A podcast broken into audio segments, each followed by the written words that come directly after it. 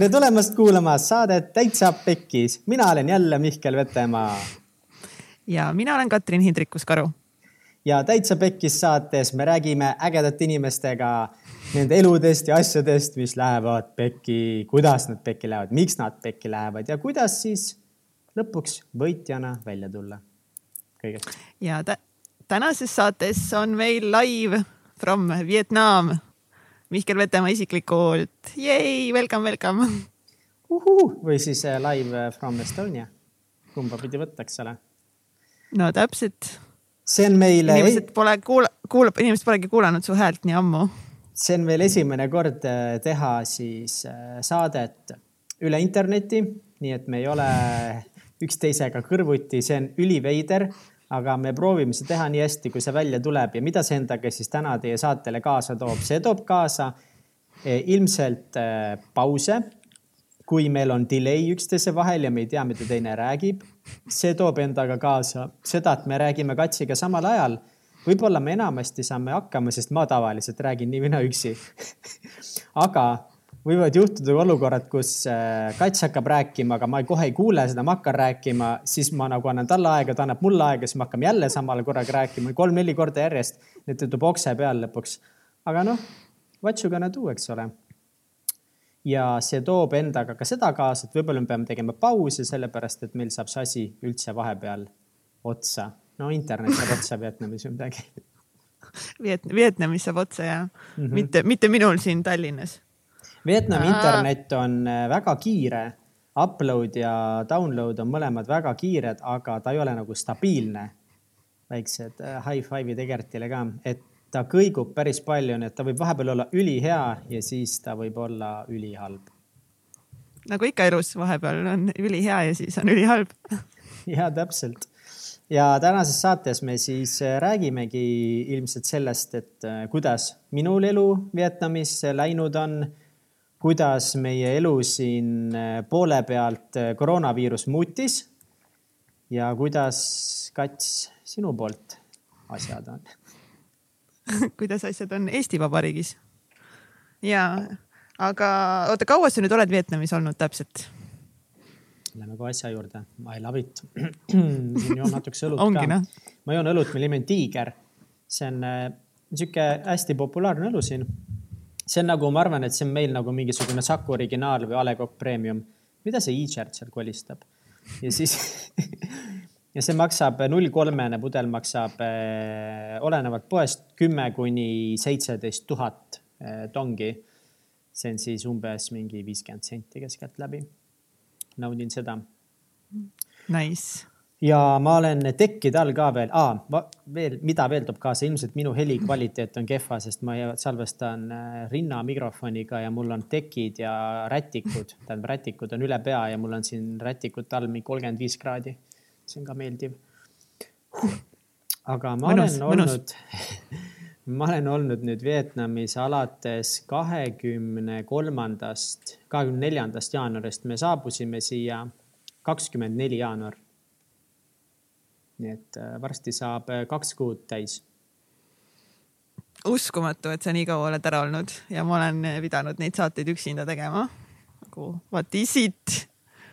ja sa mitte ei teinud saateid üksi, sa käisid veel äh, sellel, issand, Startup Day Tartul, tegid live saateid, mis olid ülivinged, need olid väga lahedad, mul oli nii kade meel vaadata neid Youtube'i videosid järgi, üks nägi nii lahe välja seal jah, no loodame järgmine aasta, et kõik on eh, taastunud siin ja me saame koos minna startup teile ja teha seal midagi vinget, aga ei, see oli väga lahe kogemus ja.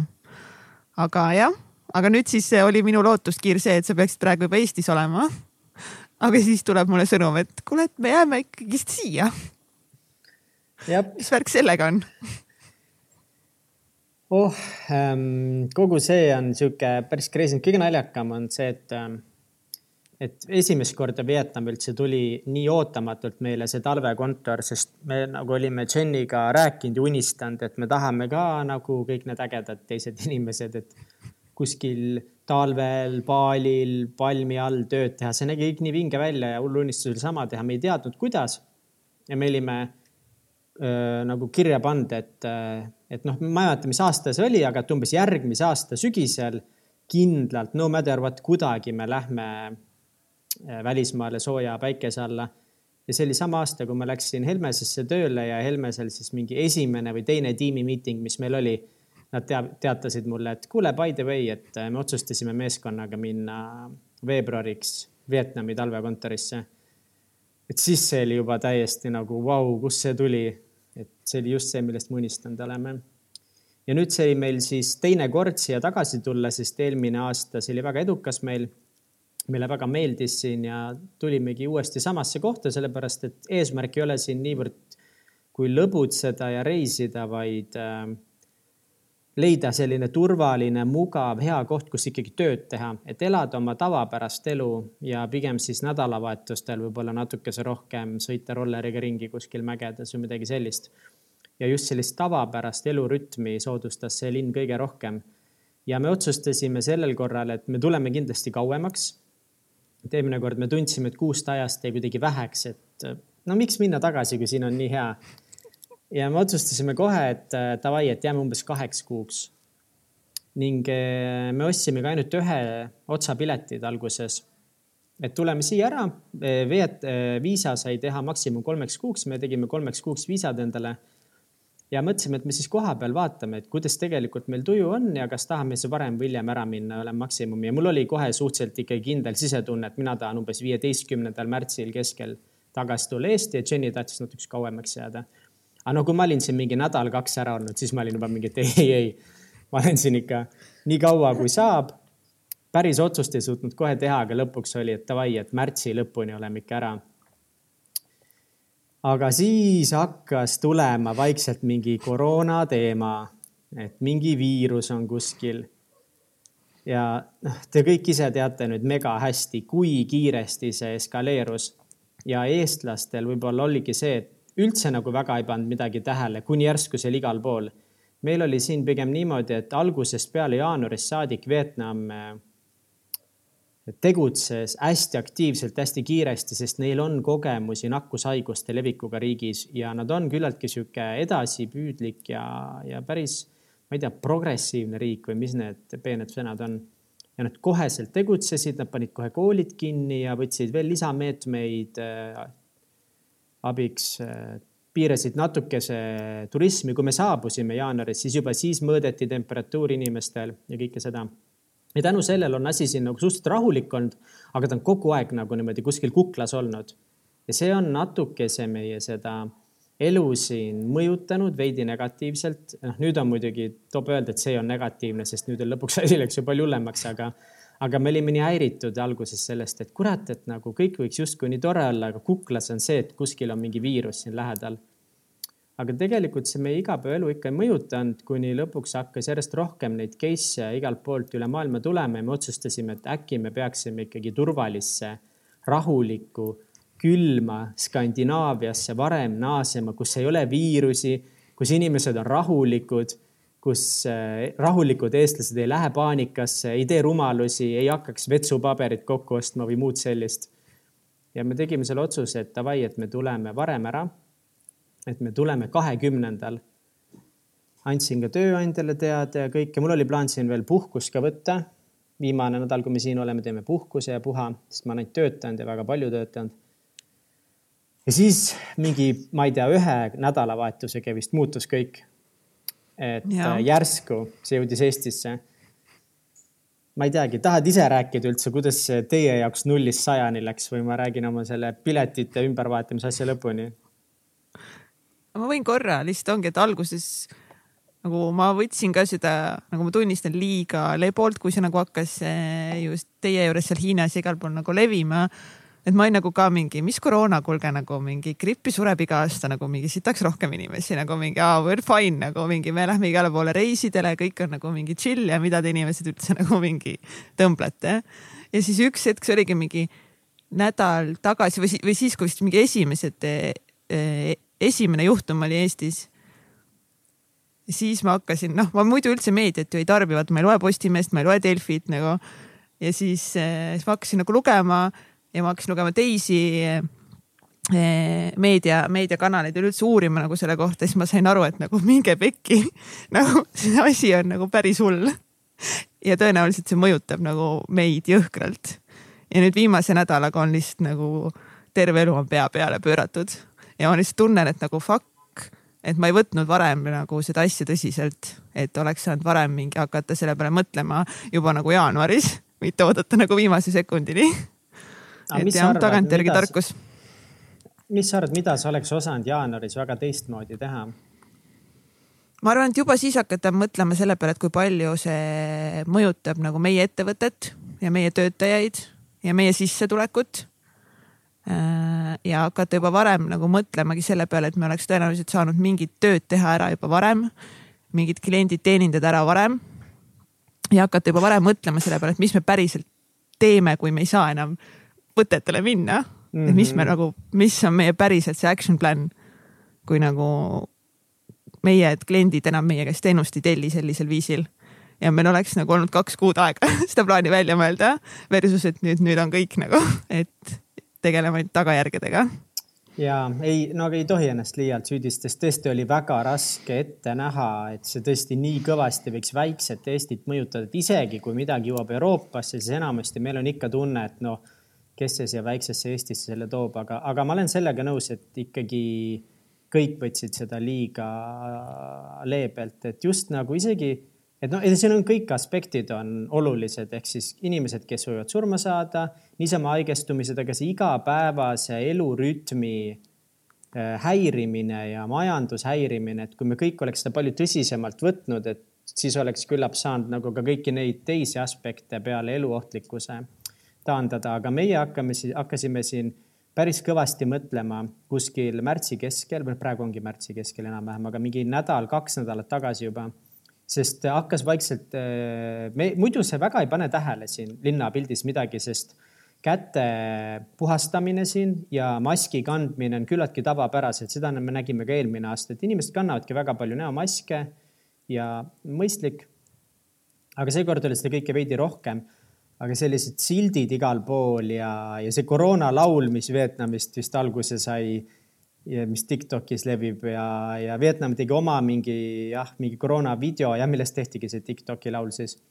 et see kuidagi kõik nagu järjest rohkem tundus, et okei okay,, et võib-olla on asi päris tõsine, aga siin siiamaani nagu nakatunute arv tegelikult on hästi-hästi väike olnud, sest jah, algusest peale tõsiselt käitunud ja siis me, siis sellel nädalavahetusel, mis nüüd oli, see, see nädalavahetus tähendab siis, issand, mingi kui kahekümnendal reedel pidime lendama mingi neliteist, viisteist, mul ei ole kalendrit praegu ees, aga kuskil seal vahemikus too nädalavahetus, mis sealkandis on.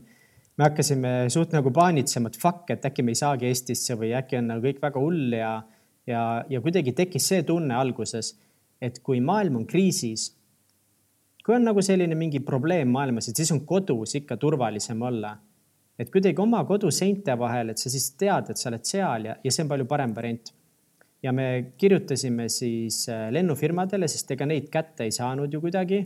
saatsime emailid Katari. me proovisime välisministeeriumiga ühendust võtta nädalavahetusel. aga see number oli kinni muidugi, ma olin kaksteist minutit ootejärjekorras, siis mul tuli nagu hakkasin mõtlema, et oi tea, kalliks see kõne läheb, see kõne läks maksma viiskümmend viis euri. et olla kaksteist euri seal ootejärjekorras ja siis ma hiljem helistasin mingi öösel või kunagi lihtsalt tagasi ja proovisin nagu kohe liinile saada, et kui kohe ei saanud, siis panin kõne ära. ja lõpuks sain, mingi onu võttis vastu ja ta ei öelnud mitte midagi kasulikku, aga ma saan aru, et ega tal ei olnudki väga midagi öelda, et, et proovige koju tulla, kui saate, võtke lennufirmaga ühendust. Katar ise nagu tegutses väga proaktiivselt selles mõttes, et nad ütlesid oma veebilehel, et kõigile annavad full refund'id, aitavad piletid ümber tõsta.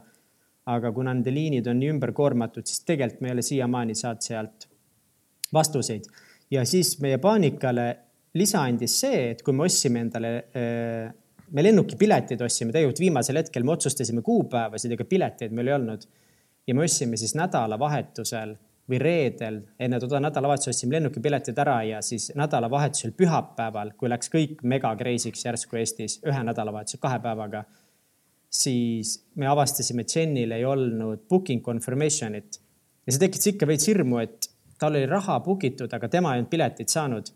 et oot-oot-oot, mis asja, et mul on pilet olemas, tal ei ole, kas ma lendan, ta ei lenda või mis asja, onju.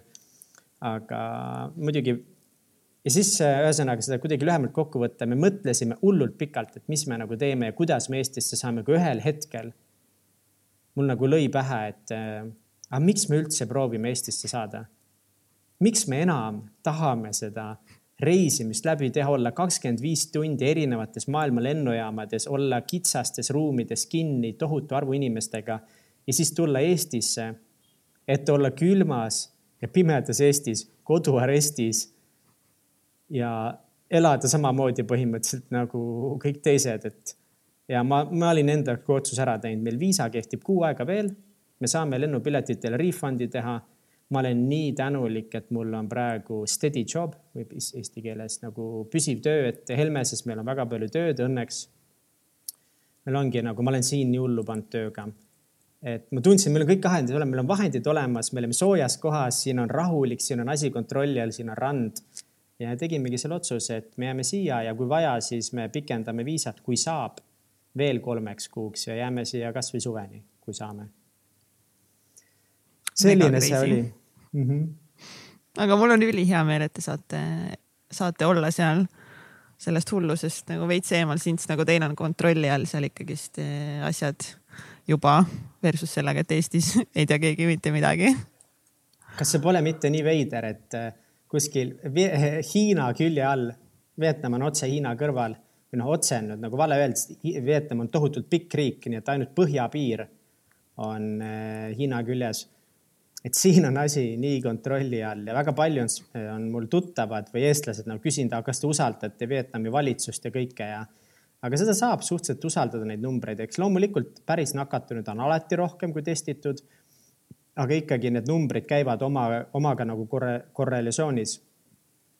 ja siin on vaba internet, vaba Facebook ja siin oleks suhteliselt võimatu kuidagi varjata seda, kui inimesed tegelikult oleksid suurtes kogustes haiged ja tänu Jitsi trennile, Jiu-Jitsus ma olen siin käinud ka ju algusest peale. ma olen väga paljude kohalikega sõbraks saanud ja, ja nad on ka kõik ühel meelel, et nagu, et võib küll suhteliselt uskuda seda, mida valitsus räägib. ja, ja mis oli kõige veidram asi selle juures, see, et tegelikult me mingi aasta aega tagasi unistasime Jeniga, et küll oleks lahe, kui me kunagi elaksime pool aastat soojal maal. noh, ole ettevaatlik sellega, mida sa soovid jah tänu teile siin ka, et nüüd terve maailm peab kannatama.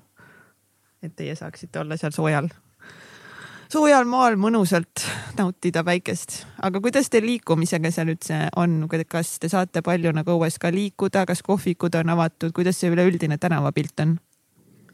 üleüldine tänavapilt on nagu hästi rahulikuks läinud, et ähm, Danang on äh, hästi suur linn, siin elab üks koma kolm miljonit inimest aga ta on küllaltki hõredalt asustatud ja seda ühte koma kolme miljonit loetakse nagu paljude suurlinnade peale kokku loetakse mingite lähedal olevate külade ja muude selliste aladega.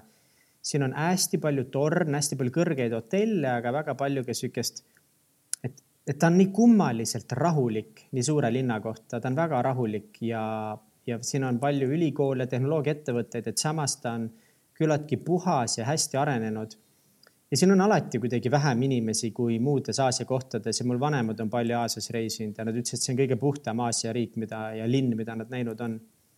nüüd, kui see koroona on tõsisemaks läinud, siis on küll turiste palju vähem, eriti nüüd on Vietnam oma piirid kinni pannud, ei lase turisti sisse enam see tähendab, et äh, meil on nagu väga palju ruumi igal pool, rannad on väga tühjad, aga inimesed ikkagi liiguvad, inimesed on positiivsed, rõõmsa näoga, nad on hästi sõbralikud, siin on turiste, siin on kohalikke, liigub ringi vähem kui tavaliselt. Äh, paljud kohvikud on kinni, ma ütleksin, et nüüdseks on umbes pooled kohad võib-olla peaaegu siin, me elame sellises turismipiirkonnas rohkem, et siin on võib-olla pooled kohad kinni nüüd aga osad jällegi tehakse vaikselt lahti, et neil ongi natuke see selline olukord, kus nad ei suuda päris hästi otsustada, et, et äh, kas nad, kas nad on juba piisavalt turvalises tsoonis, et hakata asju uuesti avama, koole näiteks või, või mitte. nii et liikuda saab täiesti vabalt. täna võtsime jälle rolleri endale, et ringi sõita. väga mugav. täiega mõnna. meie ei liigu siit kuskile me peame just eh, rohkem kodus püsima. kõik peavad kodus püsima. naljakas on eh, see, et ikkagist osad ei võta nagu Eestis seda olukorda veel piisavalt eh, tõsiselt ja teevad mingeid sõpradega mingeid sünnipäevasid peavad ja, ja nagu chill ivad veits liiga palju ringi. et, et ja et see, et ikkagi see mulje on jäänud see, et, et kuna see noortele ei ole nii ohtlik, surmavalt ohtlik, et siis umbes ei puuduta mind, vaata. Aga noh, tegelikult asi ei ole nagu meis, vaid asi on selles, mis siis juhtub, kui, kui nagu me nakatame teisi sellega ja siis on hashtag Itaalia. No täpselt, hashtag Itaalia ju, need noored viivadki seda haigust igale poole edasi, igale poole pindadele, ruumidesse, et, et nagu see nii palju ongi nagu nüüd niisugust päris head statistikat ja prognoose toodud välja, et kuidas see mõjutab, kui riigis tulevad esimesed juhtumid esile või juhud või ja, ja et kui siis tehakse hästi kiiresti selline nii-öelda kodukarantiin kõikidele või kuidas isolatsioon, et kui palju see aitab kaasa. Ja lõpuks see mõjutab kogu majandust ja kogu riiki, et nagu küsimus tõesti ei ole selles, kas sa ise jääd haigeks. Väga lamp nagu, ega meie tegelikult peame ka siin ikkagi nagu jätkuvalt mõtlema, olema hoolsad, et et jah, tõesti nagu on hästi suur kiusatus siin iga päev igal pool väljas söömas käia, sest äh, riigis on rahulik olukord. Neid nakatunuid, mina viimase info kohal on mingi viiskümmend kuus, Eestis on mingi üle kahesaja. ja see on ju tohutult suur riik, metsikult suur, et äh, kiusatus on suur, aga me ikka proovime nagu hoiduda Äh, inimestest, äh, mitte käia, me ei käi kuskil turismiatraktsioonides, kuskitel suurtes kohtades, kohvikutes, viimasel ajal me proovime take away sid võtta. et noh, ikkagi ja ettevaatlik olla. tublid olete. Ja, no see Vietnami elu, see on, see on nii nagu, nii veider on see, see on nii lahe nagu samas, aga siin on nii palju asju, mis mind häirib ka või me just üks päev arutasime Jeniga, et mis meid nagu häirivad ja see on mingid kummalised asjad, see liiklus siin ajab vahepeal mind nii. saad aru, see liiklus, see on nagu rahulik, aga ta on napakas, see on nii veider, siin on jumala mugav ringi sõita rolleriga, igaüks saab siin ringi liikumisega hakkama, sest kõik sõidavad rahulikult iseenesest. Nad ei kiirusta, teed on hästi laiad, väga palju ruumi on ja liiklus ei ole väga tihe, kui keegi kujutab ette mingi üle miljoniga Aasia linna, siis tegelikult see ei ole selline, nagu te kuskil filmides näinud olete.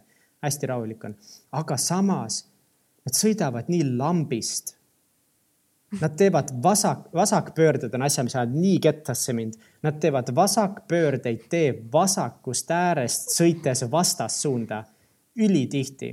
Et osad nagu teevad normaalseid Euroopa vasakpöördeid, aga osad panevad tuimalt vastassuunda ja siis nad sõidavad sõna otseses mõttes fucking läbi rollerite vastassuunas, kui niimoodi vaikselt triibuvad oma sellesse suunda ja miks nad seda teevad, on sellepärast, et nad ei taha seisma jääda ja ootama nagu vasakpöörde ajal, et peateed läbi lasta. Nad keeravad hästi tee äärde, vasakule tee äärde ja sealt niimoodi vaikselt hiilivad nagu tagasi oma suunda. See ajab mind räigelt kettasse. see on nii lamp, see on nii nõme ja ja alguses, kui siin lühikest aega olla, tundub, et nojah, aga et neil toimib, et nad saavad hakkama nii. aga nüüd kaks kuud siin olles iga päev liiklust lähedalt nähes, ma olen nagu näinud ühte õnnetust, kus autod panid matsu ja päris palju on ikkagi olukordi, kus need täitsa lollakad manöövrid peatavad täielikult liiklust, autod peavad korraks seisma jääma. Et see ei ole niimoodi, et nad sujuvalt pääsevad läbi sealt, need tihtipeale ikkagi häirivad väga palju liiklust sellega. ja nad seisavad lambist keset teed, kui sa oled takso sul on vaja seisma jääda, sa võid olla suurel peateel, sa jääd seisma. sul on vaja seisma jääda ja nüüd, kui sul on vaja sealt tagasipööret teha keset teed suvakohas, sa teed tagasipöörde, sest sul on vaja ja kui sul on vaja sõita natukese ühesuunalisel teel vastassuunas, no see on okei okay, ju ühe ploki, see ei ole palju, no ma sõidan paarsada meetrit vastassuunas, see on okei okay.. Ja teine asi liikluses on tuututamine. oh, issand jumal, nad lasevad signaali iga asja peale, aga nad nagu lasevadki signaali sellepärast, et kuna nad liikluseeskirjasid siin ei jälgi, siis nad nagu signaaliga annavad teada, et kuulge, ma nüüd tulen vastassuunast.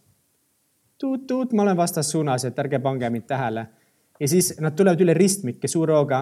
ma proovin ristmikul ikkagi esimesena läbi pääseda, et ma lasen rohkem tuutu ja kui üks laseb kolm ja teine kaks korda ja kui sul on suurem auto, siis sa lähed kõik ise ees ära, aga sa tuututades lased et see tuututamine mind häirib, sest ma kuidagi harju ära, sest kitsastel tänavatel ka nad nagu annavad märku, et aa, ma tulen. see ehmatab mind vahepeal, kui see kuskil selja taga mingi uh.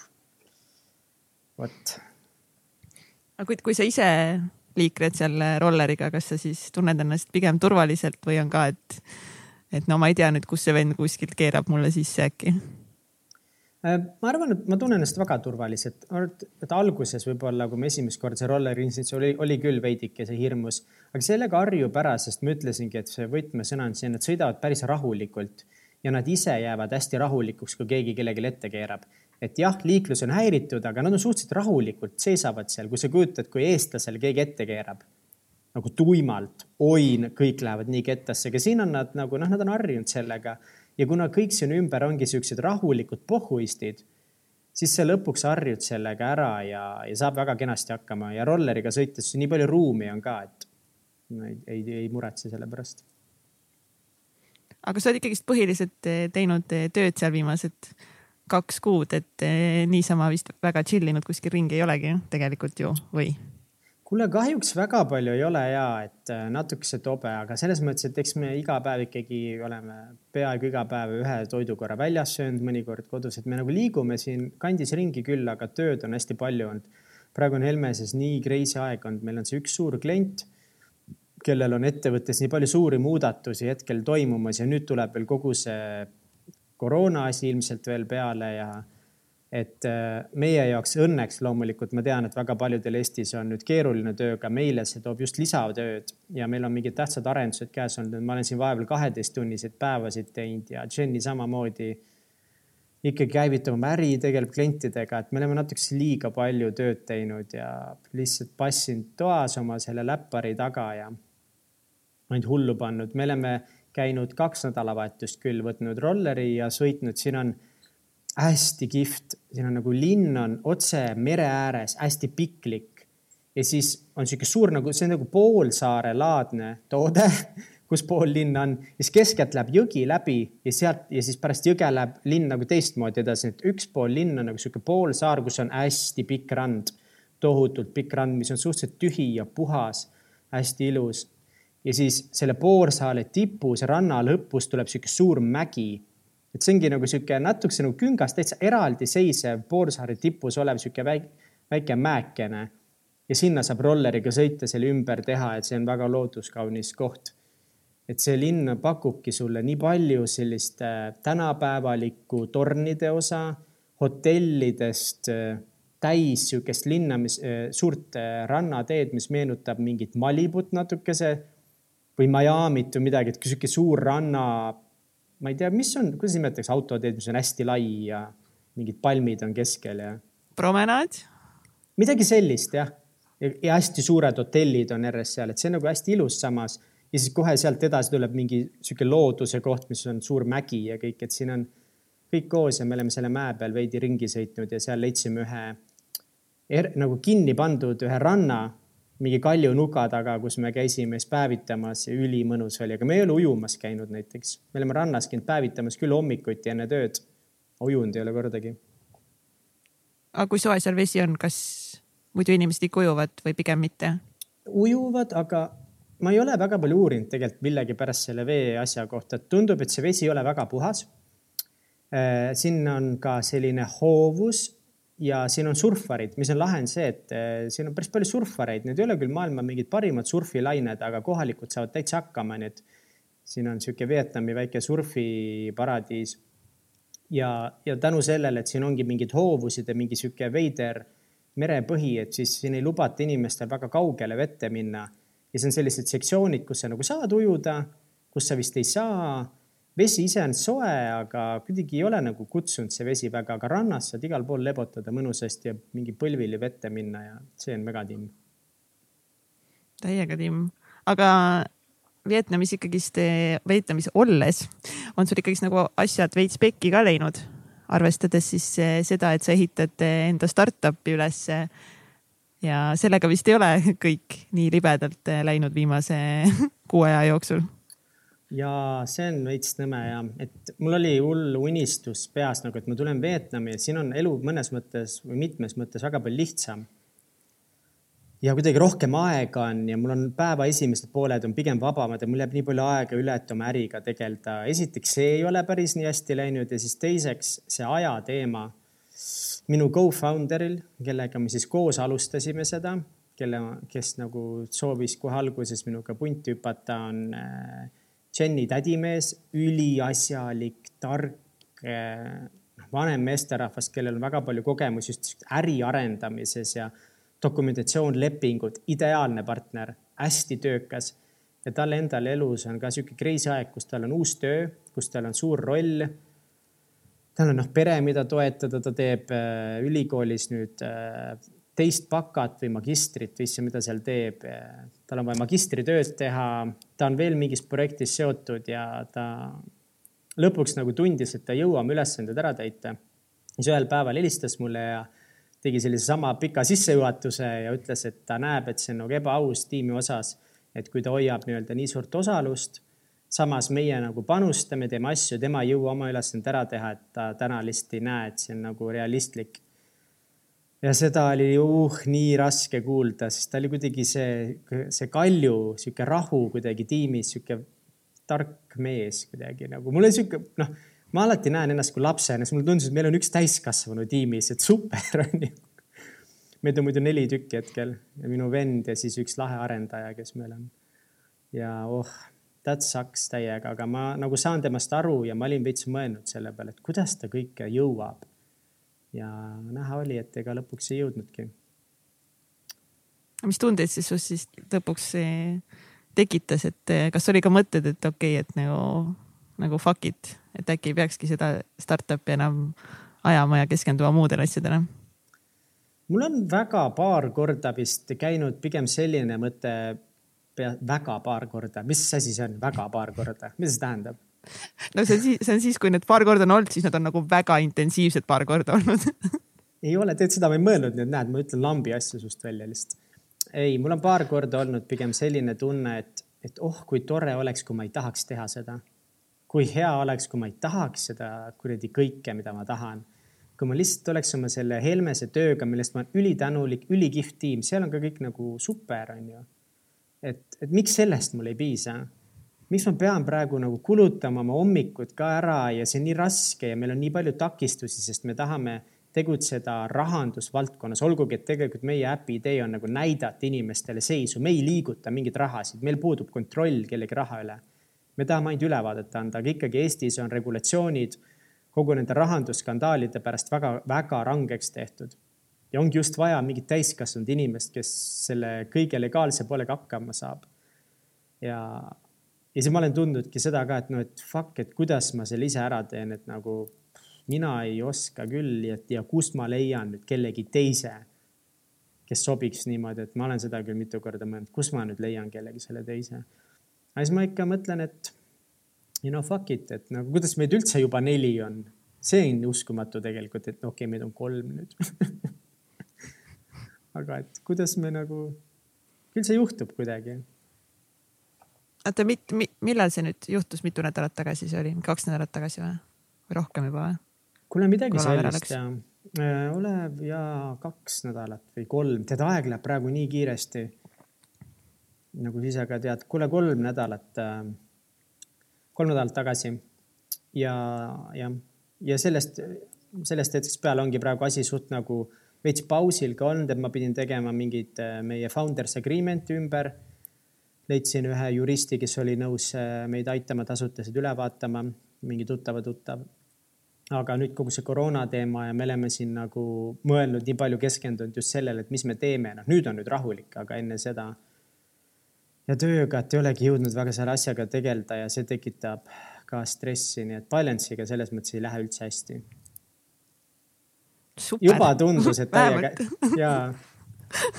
me olime just seal kohas. seal kõik Vietnamis hästi ja, ja meil on Androidi äpp on nagu valmis, meil ei ole küll päris andmeid seal taga, mida me pankadest tahame saada, aga noh, nii palju milstone'e sai tehtud ja nüüd kuidagi ma tunnen, et nagu me ei oleks midagi saavutanud.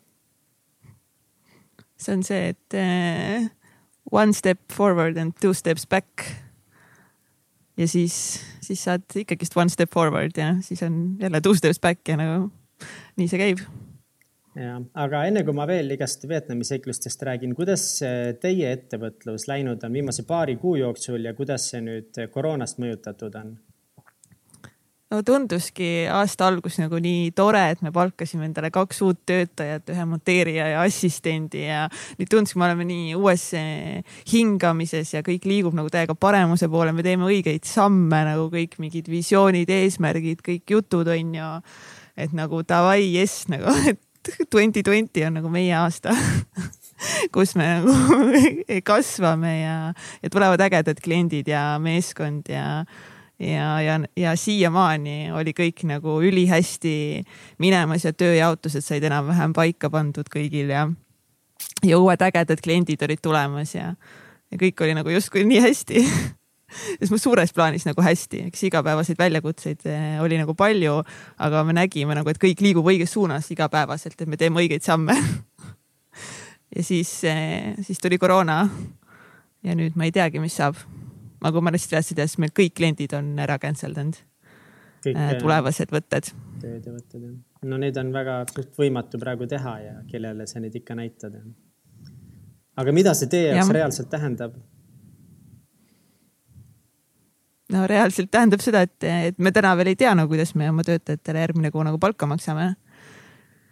ja kõik muud nagu kohustused, kontorid ja, ja muud asjad, et ega täna ei kujutagi ette aga me proovime nagu leidlikud olla ja leida nagu igasuguseid võimalusi.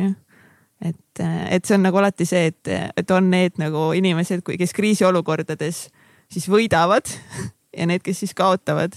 et me teame ju, et kui majandus langeb, siis osad inimesed saavad väga edukaks selle ajaga mm. -hmm. ja tahaks nagu olla üks nendest, kes kuidagi suudavad selle olukorra nagu enda kasuks pöörata ja mitte pankrotti minna ülioptimistlik mõtlemine sul praegu, kas see siis, kui nagu sa taipasid, okei okay,, et kõik meie praegune äri on läbi, noh praeguseks. Eh, kas sa olid kohe siis nagu nii optimistlik ja positiivne või? Äh, no ma mäletan seda ühte õhtut, meil oli veel eh, siin eh, meie live show peakorraldaja Maris oli meil kontoris külas ja see oli vist ka siis, kui mingi esimene koroonajuhtum nagu tuli ja me arutasime üldse mingeid live show asju ja et noh, tõenäoliselt me nagu sügisel seda live show'd nagu ka ei tee, onju. ja me isegi mõtlesime nagu mingeid variante, et kas meil on võimalus seda nagu mingi läbi veebi teha, mingit live show'd ja üldse nagu igast mõtteid nagu arutasime ja siis, ja siis kuidagi nagu jõudsimegi, et okei okay,, et meil on nüüd nagu kriisiolukord et, et hakkame nagu midagi välja mõtlema, siis Maris oli ka siin Egert ja siis me näiteks mõtlesime, et äkki hakkame kätte desinfitseerijaid edasi müüma. sest poodides on kõik otsas ja saab ainult nende suurte kanistritega kuskilt mingite tootjate käest. ja siis, eh, siis me nagu mõtlesimegi seda süsteemi ja me mõtleme nagu täna ka, et, et otsida ikkagist nagu videoproduktsioonile ka kliente, kes võib-olla ei ole mõjutatud väga sellest eh, koroonast. aga me vaatame edasi. mis see Egert räägib? mis asja? ahah, jah, jah. Mhm. Egert tahab ka kaasa, kaasa rääkida siin kõrval, kuulab meie heli kvaliteeti, et ühesõnaga ja me nagu mõtleme, teha mingeid live ülekandeid, pakkuda klientidele ja et, et eks iga päev on nagu uus väljakutse ja -hmm. mida rohkem, vaata, no ma ütlesin ennem ka, et ma ei ole nagu üldse, üldse nagu ei loe Postimeest ja Delfit nagu mingi kaks aastat või kolm, ma ei tea. ma lihtsalt ei külasta neid lehti, siis nüüd viimased päevad on olnud nagu lihtsalt see, et ma arvan, et ma olen oma kahe aasta klikid nagu kõik järgi teinud siis on kogu aeg lihtsalt refresh, refresh, refresh ja siis kogu aeg nagu loed neid uudiseid ja siis ikka tekib nagu endal ka ikka hirm sisse. et okei okay,, et nagu mis siis päriselt saab nagu, mis siis saab, kui kõik pannaksegi nagu full koduarestile, kõik ongi lockdown'is. keegi Vaatsin, kuskile liikuda ei saa. LHV saatis just mingisuguse uudiskirja, kus neil üks punkt oli see, et nad aitavad et noh, et igasugused mingid võlad ja kohustused ja sellised maksed, mis näiteks LHV Pank on, et nad on nagu nõus maksepuhkuse asju taotlema, et te olete ka vist neid asju vaadanud igalt poolt? ja, ma tean, et Egert on kirju saatnud küll välja ja ma ei mäleta, kes see, kes see oli, kes mingi järelmaksu kohta ütles, et, et, et no ühe kuu saame teile maksepuhkust lubada. ma mingi jäi no algus seegi et no super, nagu samas me ei tea nagu ongi, kus ja mis nagu me ühe kuu pärast oleme, aga ongi lihtsalt see teadmatus on kõige nagu tuleviku ees, et me ei tea, kus meie ettevõte nagu on ja kus me ise oleme nagu hommegi tegelikult. kõik muutub et, nii kiiresti ja ma ei ole nagu nii kiiret asjade muutust kunagi vist ise elu jooksul kogenud, et noh, mingi sõjaga on nüüd seda olukorda muidugi tobe võrrelda, et see ei anna nagu seda mõõtugi välja, kui kohutav asi on sõda, aga seal ka ilmselt asjad muutuvad nagu iga mingi minuti ja tunniga, et siin on samamoodi tõesti crazy list, kuidas nagu tunni ajaga võib mingi olukord täielikult muutuda.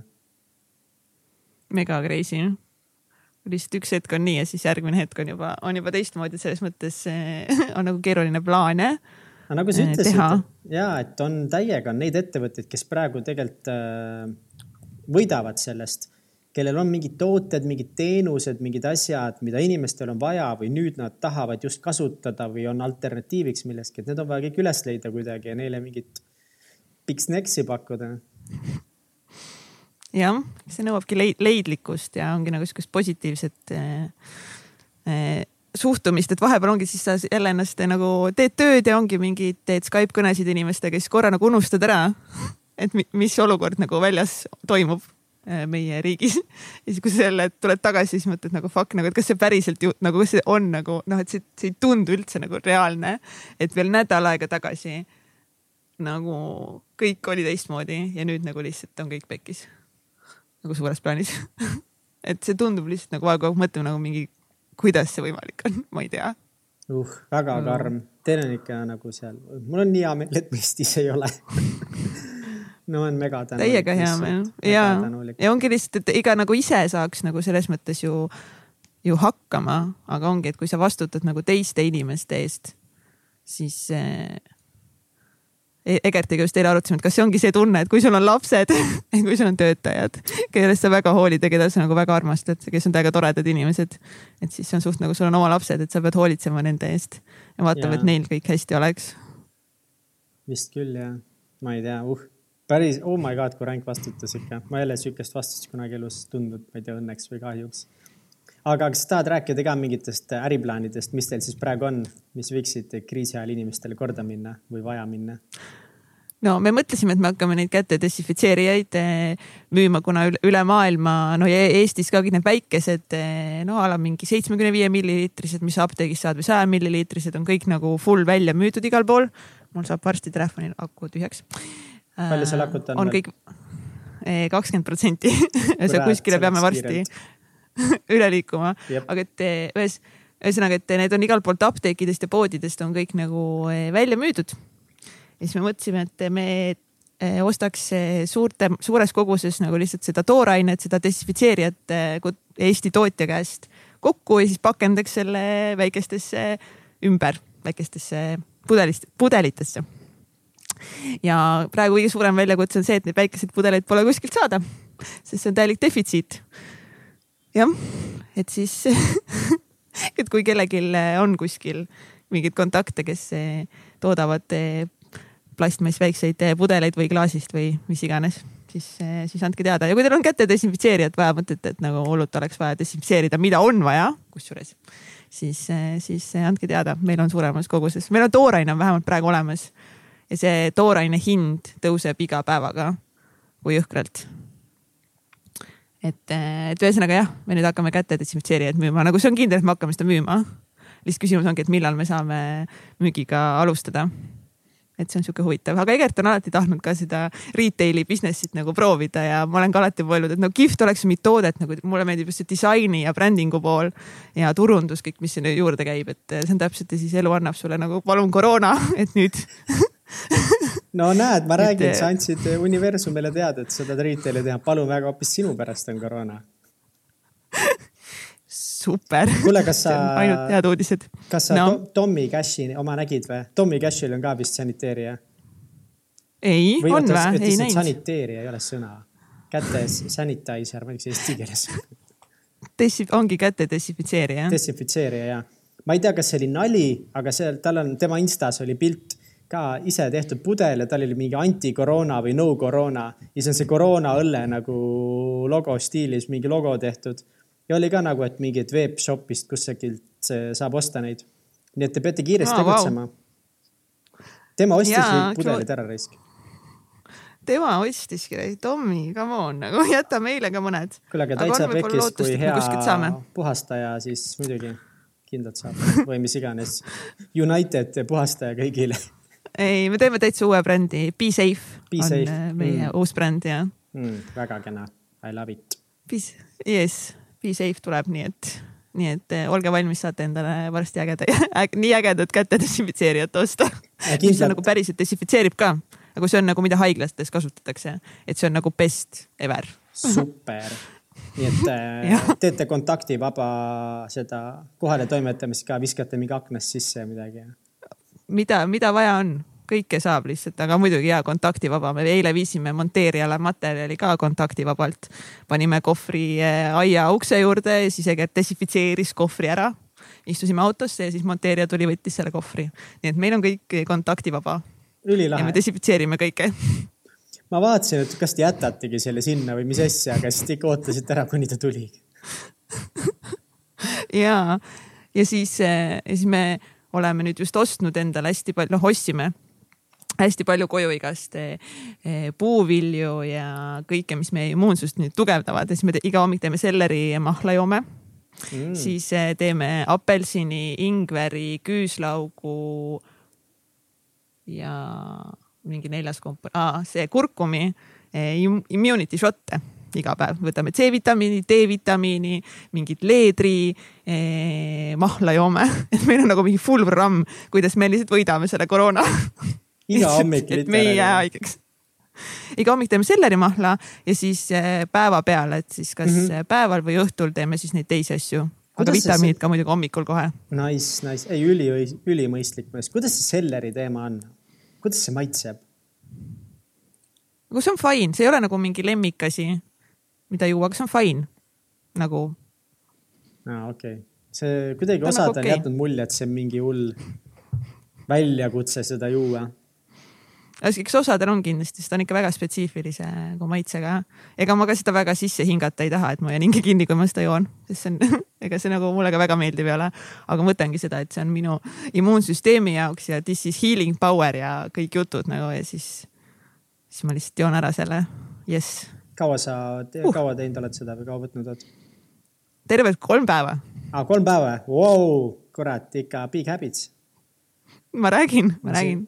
vaatan läpparist lihtsalt vahepeal, kui ma räägin, et kuradi helinivood löövad mingi piirasse vist. peaks vähe rahulikum. helinivood piires, super. ei no see on see, Ižert peab pärast veel oma magic ut tegema.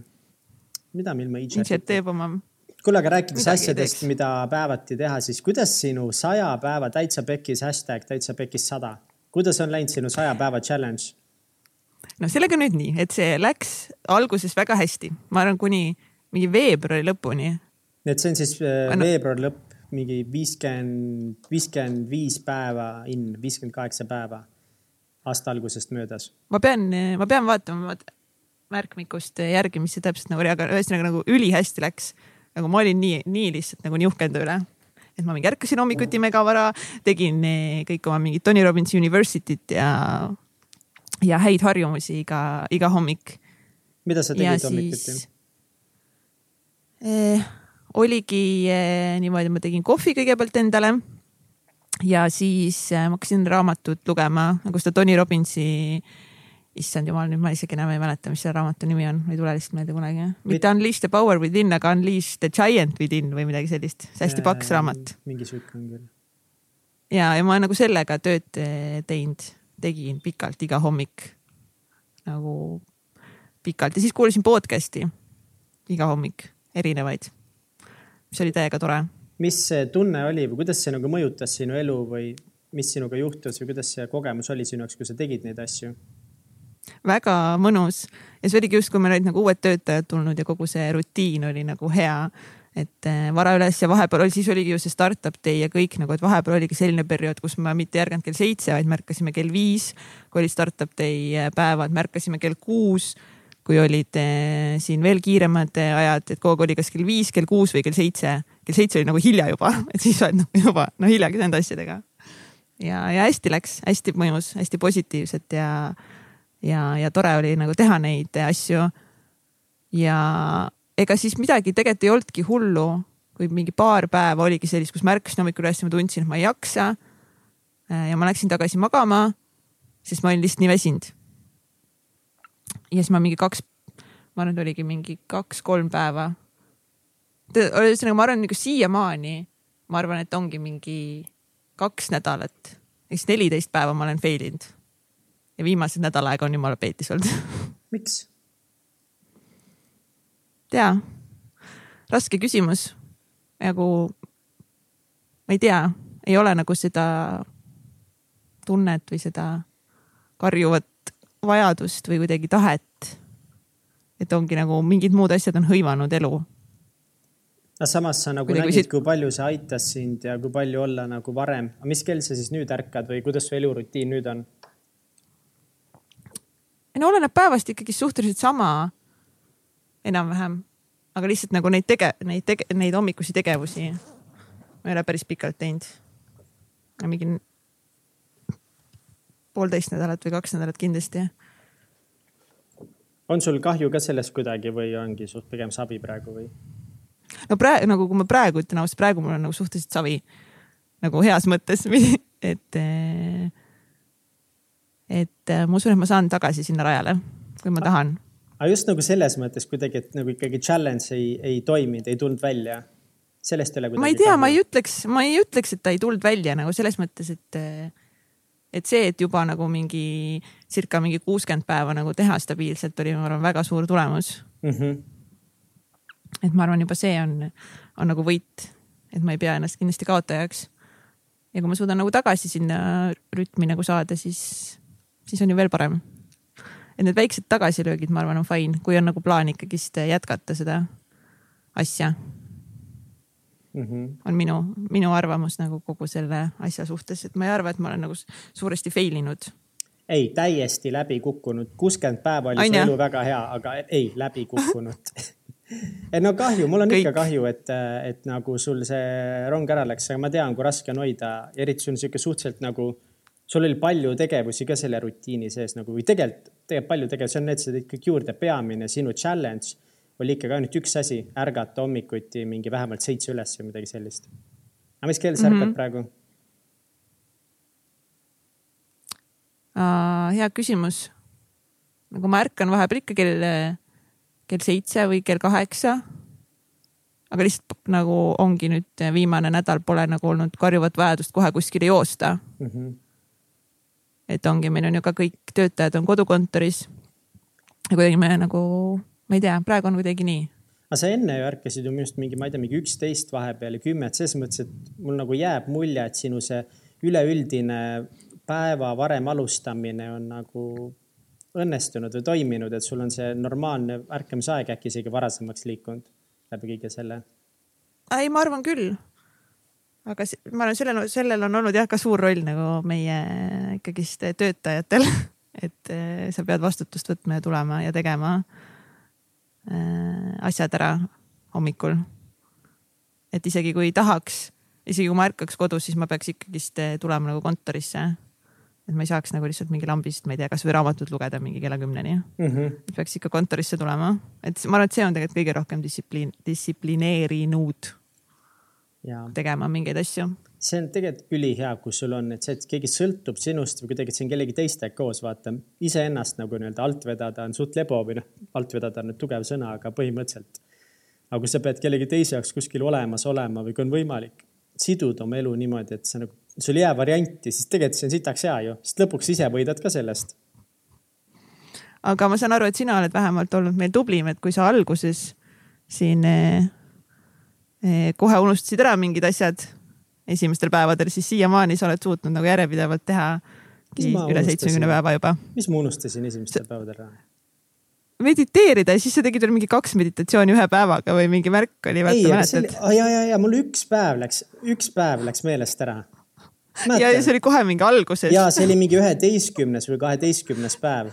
ja ma tegin, mäletan ja oli hea raisk ja ma tegin mingi kümme, üksteist päeva vist ja siis mul läks üks päev meelest ära ja siis ma tegin järgmisel päeval tegin kaks tükki nagu see tasa teha. aga ma hakkasin oma seda counter'it nagu nullist uuesti ah,. Nice. et, et äh, selles Headspace'i äpis läheb ka nagu counter nulli, kui sa ühe päeva vahele jätad. ja seitsekümmend kolm päeva või wow.? ma eile panin story ka nagu, see on täiesti crazy, seitsekümmend kolm päeva olen mina mingit harjumust järjest teinud aga see ei ole nagu läinud väga lihtsalt ja see ei ole läinud selliselt, nagu ma oleks tahtnud täielikult. et ikkagi tõelist nagu päris kasu loovad minu jaoks üleüldiselt need kahekümneminutilised meditatsioonid, mida ma teen ikka pigem hommikuti või päeva keskel.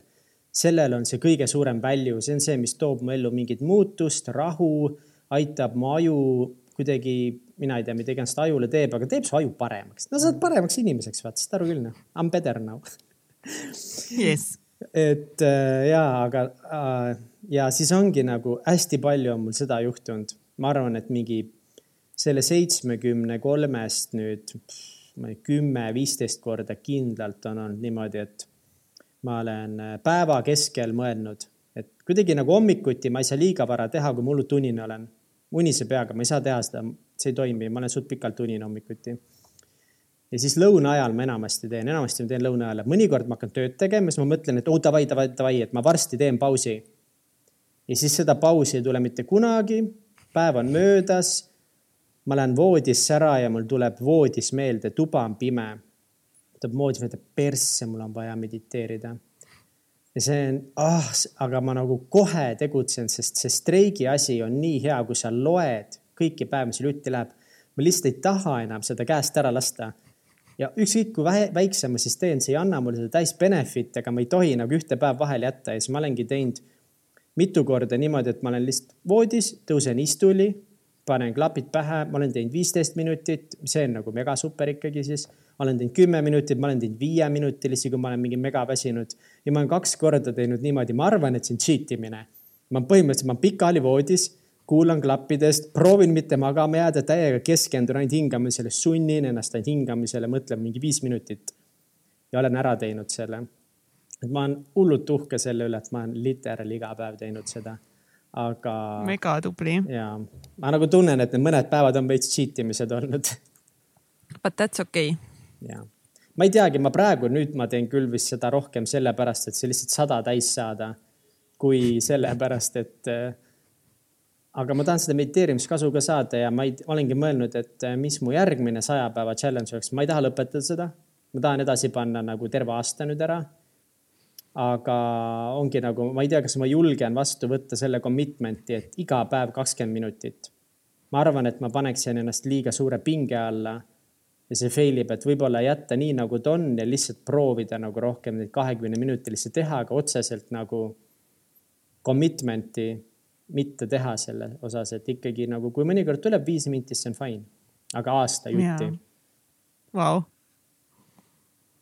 Nice. ja ma, ma tahaks kätekõverdusi ka võtta, aga seda ma vist ei julge või viitsi või taha, ma ei tea. et iga päev teha mingi kätekõverdusi, ma ei tea. mis sinu, kui sa peaksid tegema nüüd saja päeva challenge'i, mis su järgmine oleks? ma arvan, et ka mediteerimine oleks kindlasti üks. ja ma... teine, mingi trenni tegemine trenni tegemine, mida sa selle all silmas peaksid? no lihtsalt li liikuda rohkem, kasvõi või kodus joogat teha või mis iganes. mida iganes, mis, mis puudutab enda keha liigutamist mm. mingil viisil.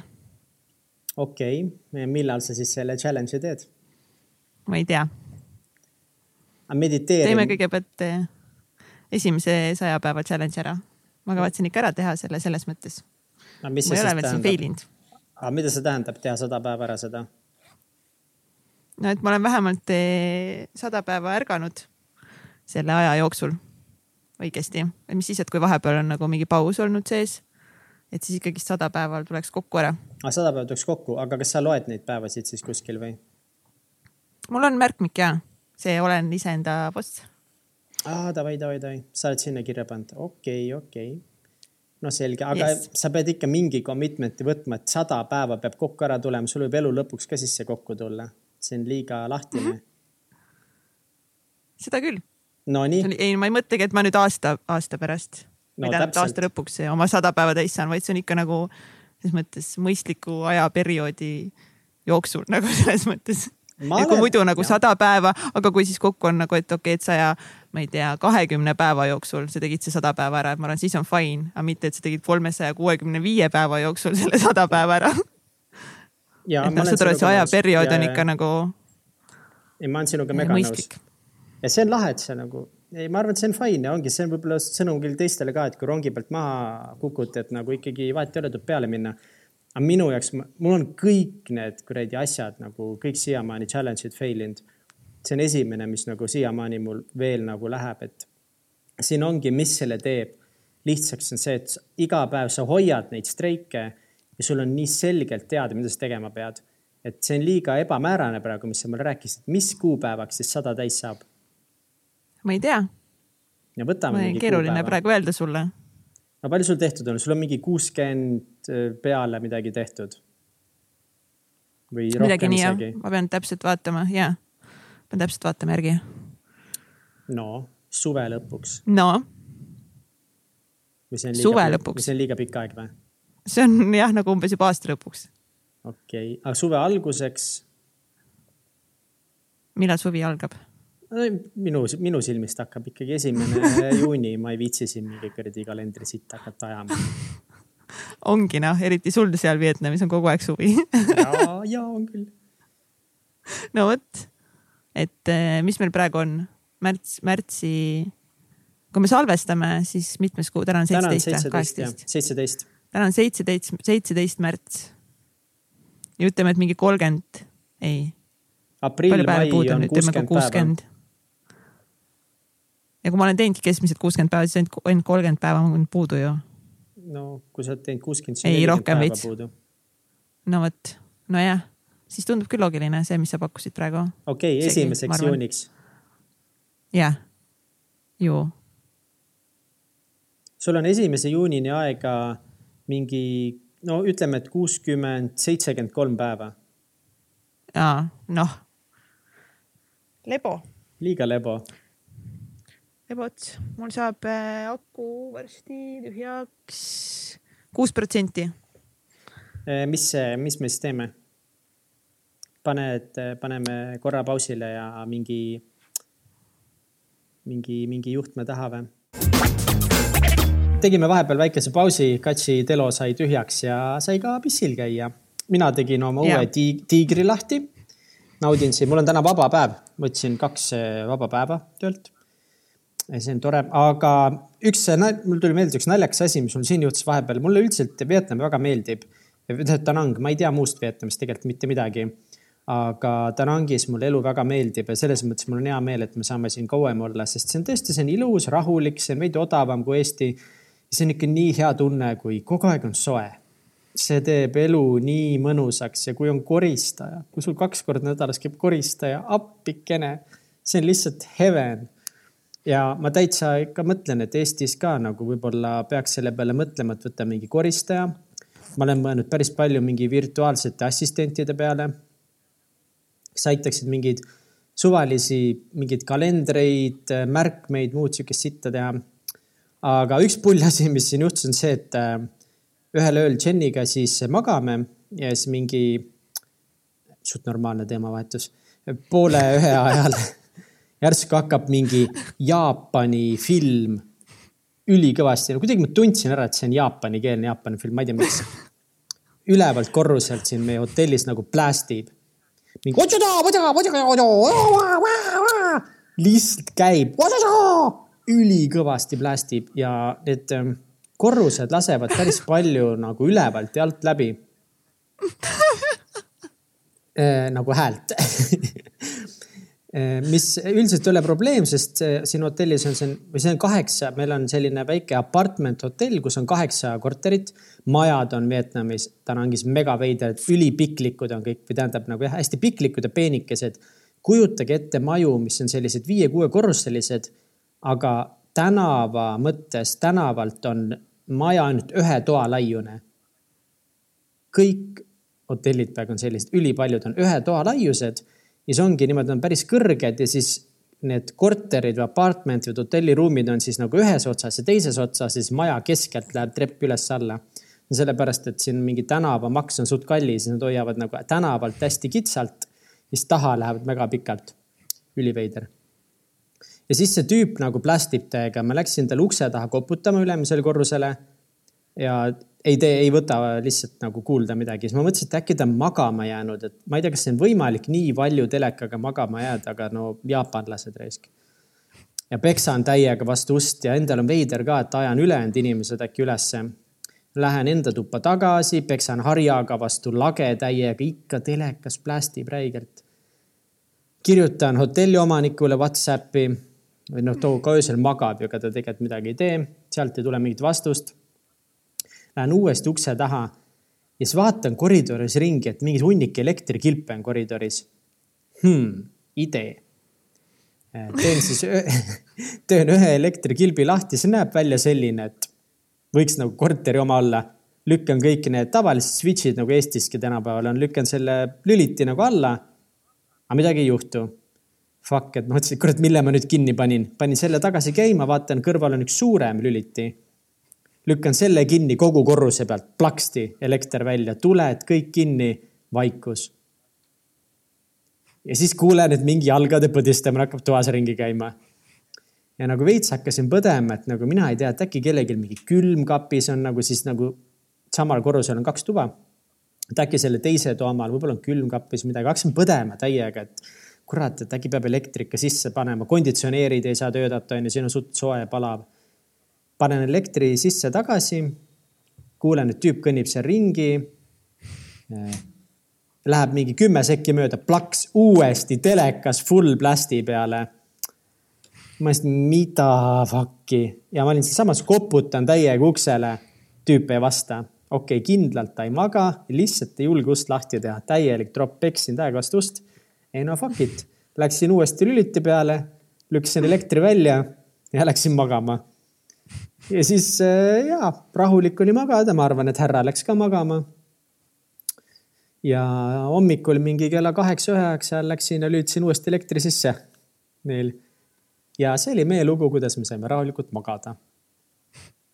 aga muidu. see, äh, see Jaapani vend oli siis nagu ajutine, keegi lihtsalt seal mingi korra tuli ööbima või elab seal? Äh, ma ei tea, kui pikalt ta oli seal. teda vist enam ei ole.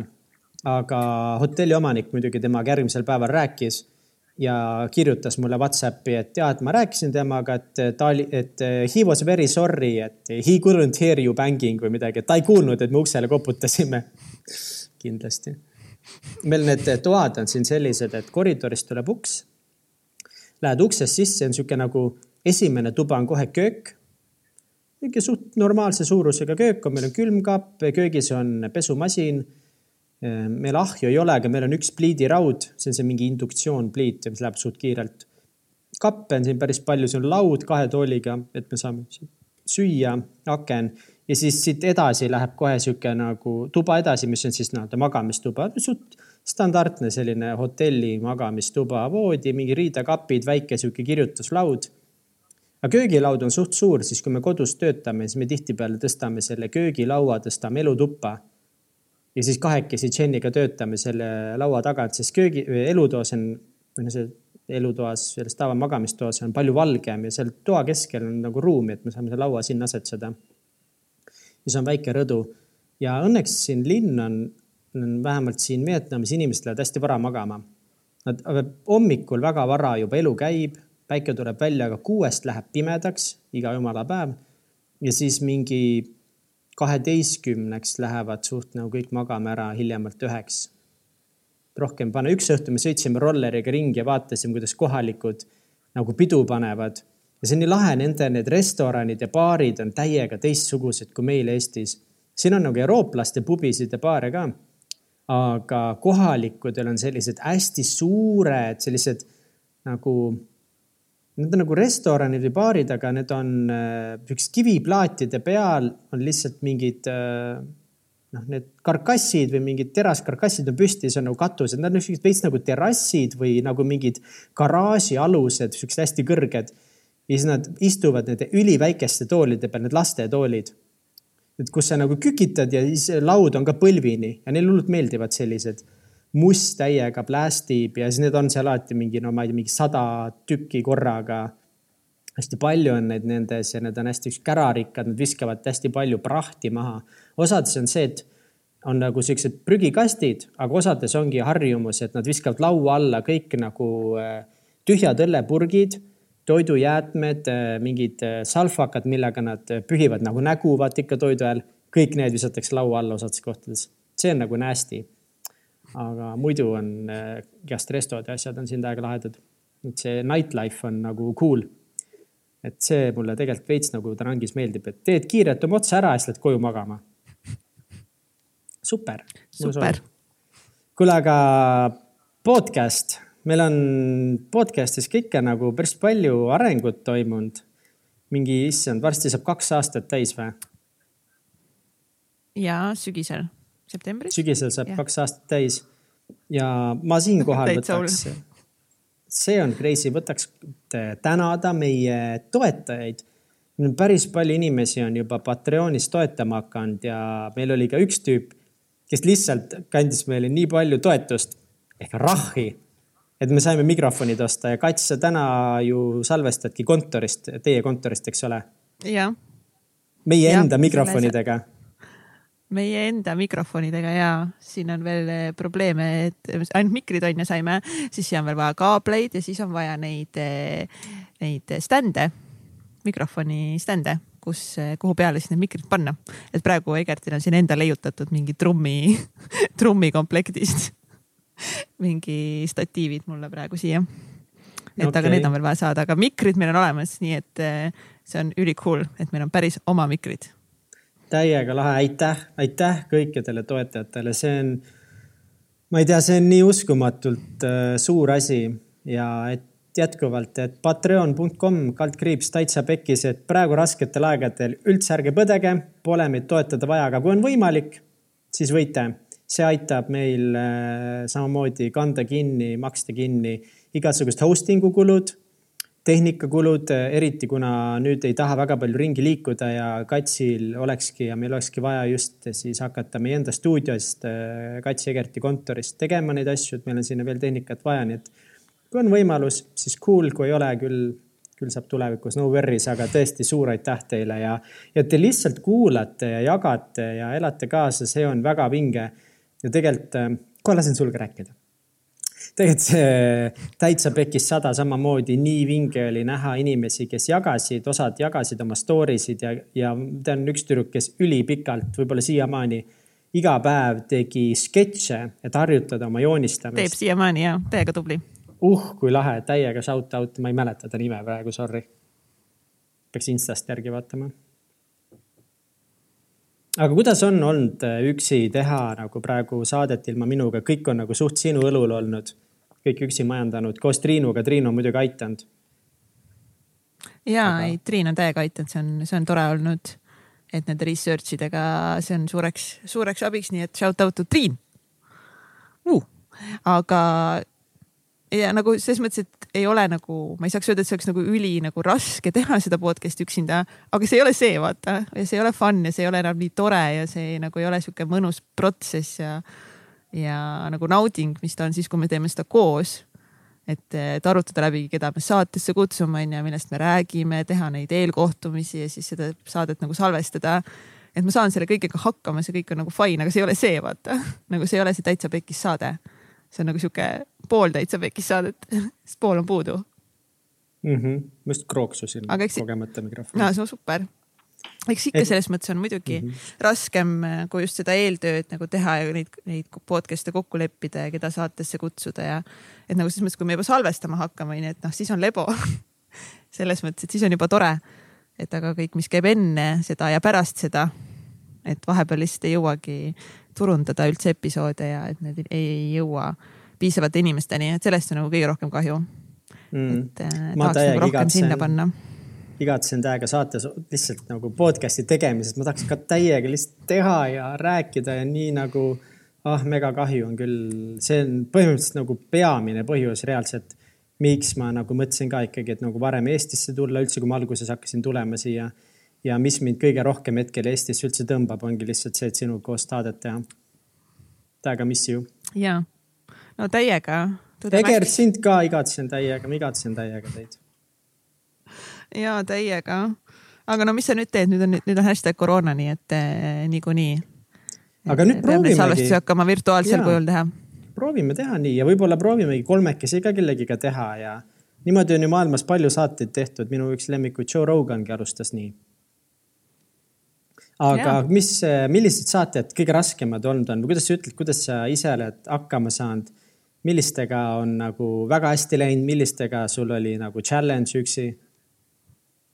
ma arvan, et lõppkokkuvõttes on, on nagu kõik saated läinud eh, minu arvates nagu hästi mm. -hmm. et ma, aga igas saates on olnud nagu erinevaid eh, väljakutseid. ma arvan, et minu suurim väljakutse on lihtsalt nagu, kuidas saateid lõpetada. et nagu mitte lihtsalt rääkida inimestega lõpmatuseni, kui ausalt, kui ma saaks, siis need episoodid oleksid mingi nelja-viietunnised.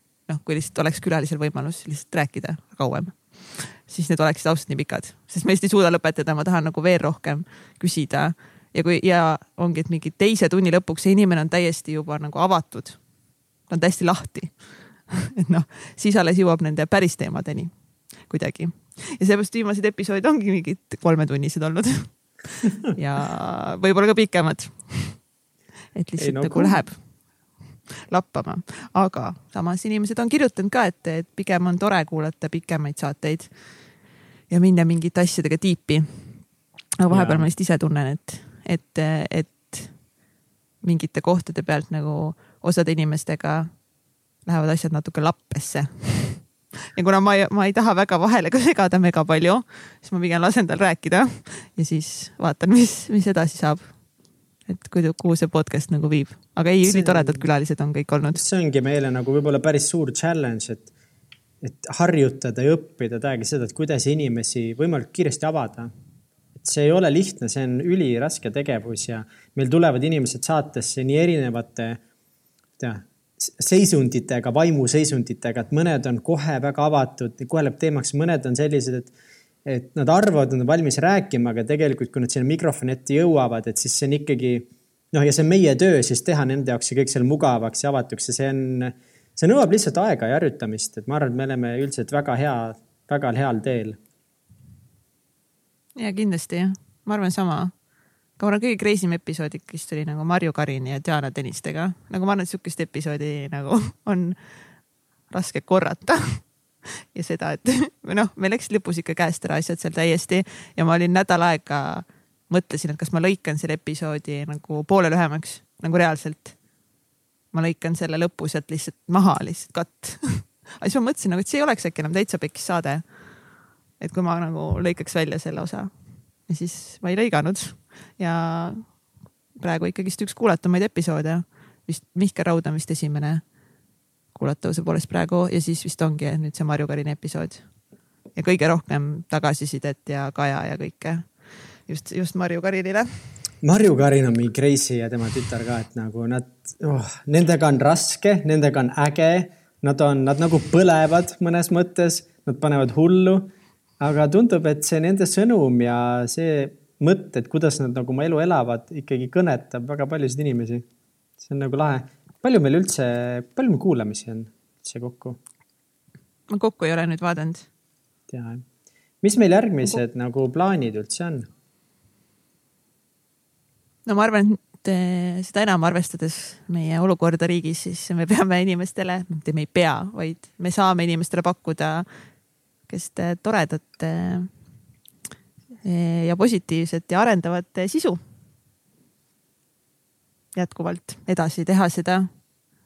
aga kui ma nüüd vaatasin, eks ole, täna me salvestame, on teisipäev on ju, või ei ole mm -hmm., kolmapäev, mis päev täna on, teisipäev? teisipäev jah. jah, eile tuli episood eetrisse ja kuulajate numbrid on ikkagist väiksemad, kui nad on tavaliselt esimese päeva kohta keskmiselt.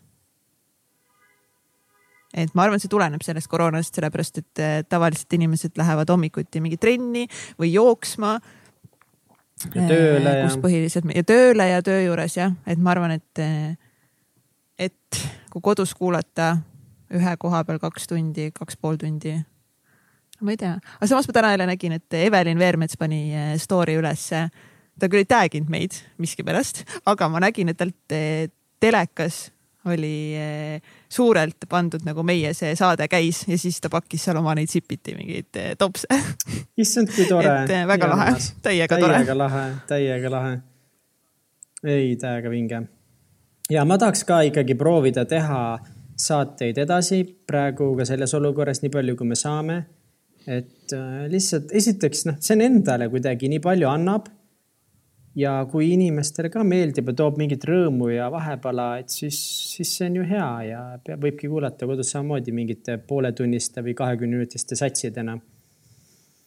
et eks me peame mõtlema, kui teil on mingeid ideid, kuidas, mida me võiksime teha, mida tahaksite kuulata, siis võite meile kirjutada, et igaüks, meil on täiega tore, et meil on neid eh, saatekülaliste ideid on päris palju saadetud, saatke julgelt edasi.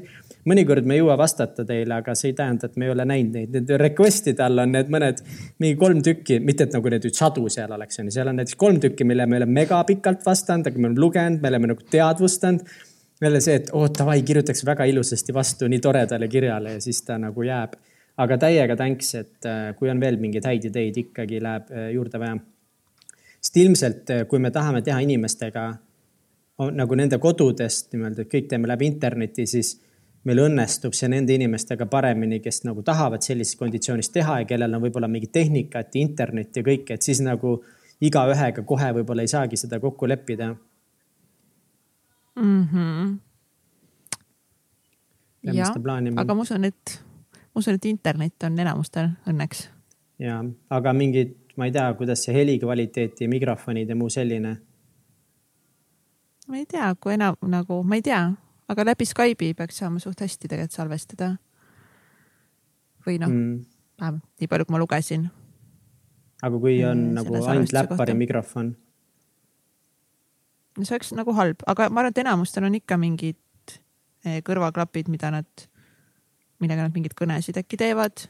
ja, ja seda küll. telefonis ja nii jah ma usun, et enamustel võiks midagi olla, et, et midagi, mis on suule lähemal, mingi mikrofon. ja mis meie live show'st saab? sellest vist ei saa küll praegu midagi. selles mõttes, et me ikkagist nagu töötame eh, Marisega, meie projektijuhiga ja meil olid nagu kindlad plaanid tegelikult eh, enne, enne koroonat, et see ikkagist oktoobris eh, tuleb isegi kui ma vahepeal olin, et äkki me ei tee seda, sest lihtsalt ei jõua seda korraldada, siis Maris oli ikka, et ei, ei, me teeme kindlalt, leiame rohkem eh, tiimi abilisi ja me teeme kindlalt ära selle. noh, siis täna ma olen ikkagist veendumusel, et, eh, et oktoobris seda kindlasti ei tule, isegi kui meil nüüd olukord nagu stabiliseerub siin ja võib-olla mais on juba kõik okei okay,, siis, eh, siis oktoobris seda jah, nagu üheksakümmend viis, viie protsendi tõenäosusega ei tule. et lihtsalt ma arvan, et inimesed ei ole nagu valmis praegu tegema mingeid ostuotsuseid mingitele mm -hmm. live-üritustele. ja, et võib-olla on nagu vaja jah. jah, muude asjadega tegeleda, mis on nagu kurb kindlasti meile ka, et aga eks ma tean, et samad inimesed, samad, paljud inimesed ongi samas olukordades, paljud ettevõtted on palju raskemates olukordades, et nii palju asju, mida nad tahavad korraldada, teha. kõik on kankel, et Eks ma ei kujuta tuleb... nagu ette praegu ja. neid ürituste korraldajaid, kelle üritused nagu praegu ära jäävad. nagu noh, kujuta ette, kui meil oleks praegu niimoodi, et nagu noh, homme peaks olema live show, me oleme mingi aasta aega rabelenud, me oleme piletid müünud, meil on kohustused teiste ettevõtete ees nagu kõik. Ja siis on noh, täna öeldakse, et homme see üritust olla ei saa. Et, et nagu pidage vastu kõik meelelahutuse äris olevad muusikud ja, ja ettevõtjad ja et see kahju saab kindlasti meeletu olema mm, -hmm. mis, mis see nagu kaasa toob. et Jõudu nagu selles mõttes on meil nagu live show koha pealt hästi, et, et. Lebo jah ma, et ma nagu usun täiega lihtsalt seda, ma täna hommikul mõtlesin jälle oma selle Tony Robbinsi lause peale, et life happens for you, not to you. et, et, et ma pean võtma seda ka nagu tänases olukorras, seda lauset, ma arvan tõsisemalt kui kunagi varem. et see, mis meiega praegu juhtub, juhtub nagu meie heaks, mitte meie vastu et see on millegi jaoks hea. jah, ma arvan, et see on oluline niimoodi mõelda, ma proovin nagu, mulle meeldib kuidagi teaduslikumalt mõelda, et mitte nagu, et kuidagi, et see, kui sa mõtled kogu aeg seda, et see sunnib sind lihtsalt nägema neid võimalusi, see sunnib sind leidma optimismi. esiteks, see teeb sul lihtsalt tuju paremaks, no mida sa mossitad, ega see ei aita nii või naa midagi. ja teistpidi, see aitab sul mõelda, et mis on siis need asjad, mis praegu juhtuvad, mille, mida ma saan kuidagi enda kasuks ära pöörata või kellel on võimalik, siis tasub võib-olla vaadata aktsiaturgudele. praegu on, paljud ettevõtted on väga odavad, eks loomulikult sellega kaasneb risk, aga kui teil on see raha, mis on kõrvale pandud selle jaoks, siis võib-olla on see hetk, et noh, neid variante on, aga see suhtumine loeb nii hullult kuidas me suhtume kõigesse sellesse ja kuidas me kasutame seda aega ära, mis meile nüüd antud on. jah, ma olen nõus. kas sa tahad lahendusi. veel, veel midagi meie kuulajatele öelda? on sul mingeid sõnumeid edastada, küsimusi neile küsida? ma tahtsin võib-olla, ma vähemalt üks asi, mille peale ma mõtlesin, aga et ongi, et, et kui meie kuulajate seas nagu on veel eh, inimesi ja ettevõtjaid või siis freelancer eid, keda see olukord nagu tohutult mõjutab ja et me kuidagi, ma ei tea, kas kuidagi nagu, et me saaksime rohkem kommunikeerida asju või suhelda omavahel. et äkki teha nagu, ma ei tea, mingi grupp või mingi, et kuidagi nagu toetada üksteist ja jagada kasvõi enda olukorda või mõtteid. sest ma tean, et mulle küll väga aitab see, kui ma kuulen, et kellelgi teisel ettevõtjal on nagu samasugune olukord ja kuidas ta nagu lahendab ja mis nagu võimalust on, et, taaskord, et me ei ole nagu üksi selles olukorras. et, et kui kellelgi, keegi tunneb, et ta tahaks nagu oma mõtteid jagada, siis ma olen olemas ja võime mõelda, et teha mingi kas me peaks mingi. või midagi või mingi Slacki kanal Jaa. või midagi. kas me peaks mingi Facebooki grupi tegema või siis Slacki kanal jah? jah, no see on see, ma olen ju pikalt mõelnud seda, et me peame ju tegema enda selle Facebooki grupi oma community'le ja äkki see on jälle nagu universum lihtsalt annab nagu suure tõuke, miks seda teha et me nagu saaks üksteist toetada ja jagada häid mõtteid ja, ja võib-olla, kui meil ongi vaja mingit teenust kasutada või midagi osta, siis ostagi pigem nagu väikeettevõtjatelt, väiketootjatelt äh,, freelancer itelt, et äh, võib-olla me saaksime seda üheskoos nagu seda olukorda kuidagi paremini ja positiivsemalt äh, üle elada mm,. väga head mõtted. no aga siis tuleb ära teha, katsetada, kaotada pole midagi kaotada pole midagi. aga et... mina olen ka oma tänased mõtted edasi andnud. no super, täiega tore, et me lõpuks, me oleme seda saadet siin juba ikka planeerinud nagu viimased kuu aega kindlasti ja erinevatel põhjustel siis pole seda toimunud. ja nüüd mul on nii hea meel, et see lõpuks nagu sai tehtud.